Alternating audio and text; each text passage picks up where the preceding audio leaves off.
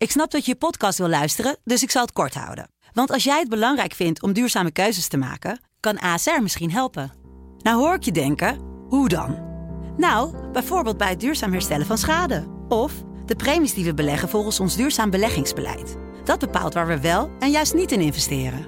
Wil je meer weten over welke duurzame keuzes ASR maakt? Ga dan naar asr.nl slash duurzame keuzes. ASR doet het. Zo, dan kan je nu lekker naar je podcast luisteren.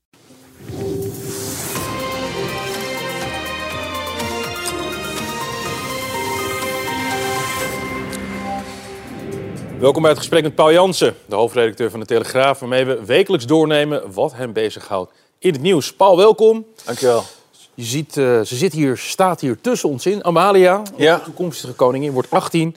En dat betekent dat het afgelopen is met, uh, met het kindertijd. En dat er nu de officiële tijdperk breekt aan helemaal voor iemand van haar afkomst. Uh, ze wordt bijvoorbeeld geïnstalleerd straks bij de Raad van State.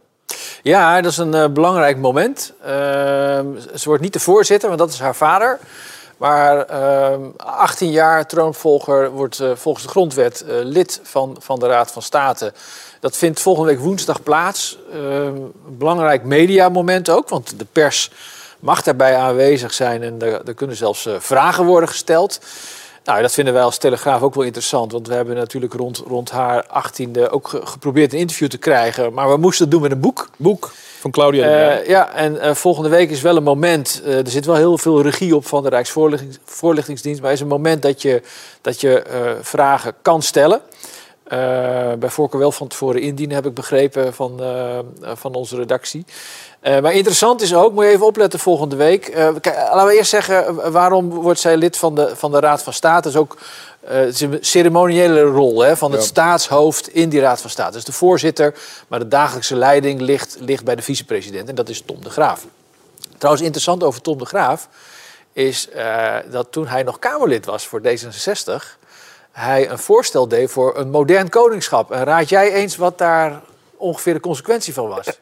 Nou, dat is gewoon niet, dat heeft niet, nooit plaatsgevonden, toch? Nee, maar hij had een plan voor een modern koningschap, want hij vond het niet meer van deze tijd nee. dat de koning in de Raad van State zat. Ja. Dus interessant om even volgende week op te letten, als het moment daar is, hoe de vicepresident, die eigenlijk maar niks vindt dat de Oranjes daar zitten, zich, zich gaat gedragen. Maar hij zal ongetwijfeld in de plooi blijven. Maar in ieder geval, uh, de, de troonopvolger ne- wordt lid van de Raad van State. En net zoals haar vader en haar moeder, hè, want koningin Maxima is ook lid van de Raad van State. Zij hebben dan een ceremoniële rol, maar hebben zitting in die, in die, in die adviesraad. Er is ook nog de, de, de, bestuursrechter, maar daar, daar zitten ze buiten. En het is vanuit, vanuit het verleden is het zo vastgelegd.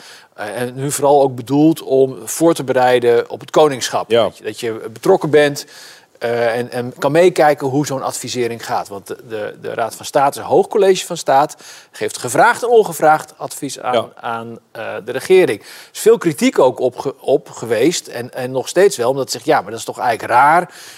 Want de koning is dan lid van een adviesclub die de regering adviseert, waar de koning ook weer in zit. Dus de koning ja. adviseert zichzelf. Nou, uh, experts maken daar gehakt van, want die zeggen het is een ceremoniële rol. Maar belangrijk is denk ik dat dit een moment is waarin dus zichtbaar wordt hoe uh, de rol van het instituut Koning is verankerd in Nederland. Hè. Dus lid van de Raad van State en daarnaast lid, is de koning als instituut lid van de regering. En daar is altijd heel veel over te doen. En zelfs D66 nog in, in het laatste verkiezingsprogramma... Ja.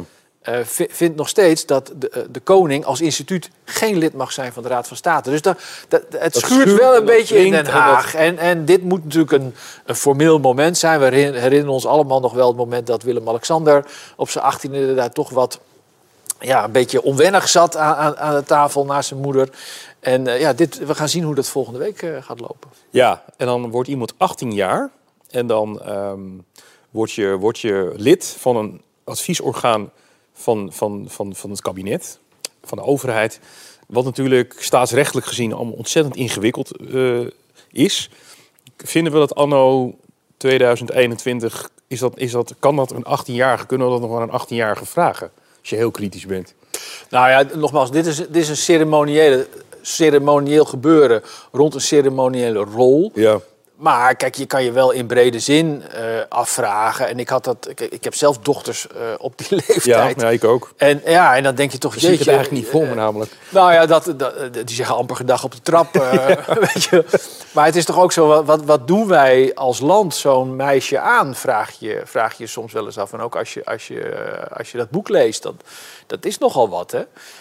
Maar er is natuurlijk al heel lang eh, discussie, bredere discussie over, over het koningschap. Eh, m- moet de koning in Nederland eh, de huidige rol met ook, ook die verankering in, in, in de regering eh, houden? Of moet het meer een ceremonieel koningschap Ja, ik geloof dat dat in een aantal Scandinavische landen echt puur ceremonieel is. En dat de, de, het kabinet of ook niet meer verantwoordelijk is voor de uitspraken. Ja, Hebben ze dat losgekoppeld? ja klopt. Iemand, iemand anders trouwens, eh, de koningin van Amsterdam. En weet jij wel over wie ik het heb? Heb je dat over Femke Halsema? Femke Halsema, die, eh, die, eh, dat is ook wel aardig. is ook iemand die eh, met enige regelmaat, hè, denk aan, aan 4 mei, natuurlijk in het gezelschap van, van onze koning verkeert. Die was in tegenstelling tot Tom de Graaf niet alleen voor een ceremonieel, ceremonieel koningschap, maar die was voor een republiek. Ja, Dus die vond het helemaal, helemaal weg moest. Maar je ziet in de politiek is het nu redelijk stabiel. Er was natuurlijk rond die beruchte, of roemruchte formatie van 2012... was er heel veel onvrede over... formatie. Ja, over toenmalig eh, eh, staatshoofd Beatrix en hoe zij als procesbegeleider van die formatie dat, dat, dat leidde en de informateurs die zij aanwees, was met name bij VVD en, de, en CDA de steunpilaren van het Koningshuis en van de rol van de koning. Was daar heel veel kritiek. Ja. Dat heeft ertoe geleid dat de koning buiten de formatie is gezet sindsdien. Ik weet niet of na deze formatie iedereen, daar, iedereen daar zo... Was het toch niet zo slecht achteraf? Er zou, er zou zich weer een kans kunnen aandienen. Maar tot nu toe eh, eh, heeft, heeft iedereen gezegd eh, van nee, we houden zoals het is. Maar de koning is nog steeds lid van de regering. En over die, die, die, die rol moet, moet het instituut koning nou louter cere- ceremonieel zijn of niet. Daar, daar, dat blijft de gemoederen bezighouden. En weet je, er, is een hoop eh, onduidelijkheid over. Want eh, ook eh, het lidmaatschap van de regering is hoofdzakelijk ceremonieel. Net zo als het voorzitterschap van de koning Ja, bij de Raad van State. Maar maar je zit er wel.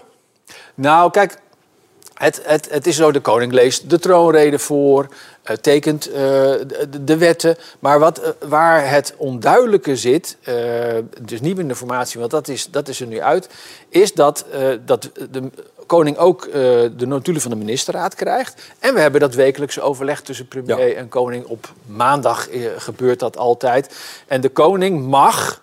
Eh, ook ministers en staatssecretaris ontvangen. Dat gebeurt ook, heb ik uit mijn Haagse tijd gehoord. En dan mag de koning zich laten informeren, maar die mag ook aanmoedigen en waarschuwen. Kijk, en daar begint natuurlijk een vaag grijs gebied, waarvan we ook uit het verleden weten, maar dat is nog uit de tijd van koningin Beatrix, dat ik hoorde van toenmalige bewindspersonen.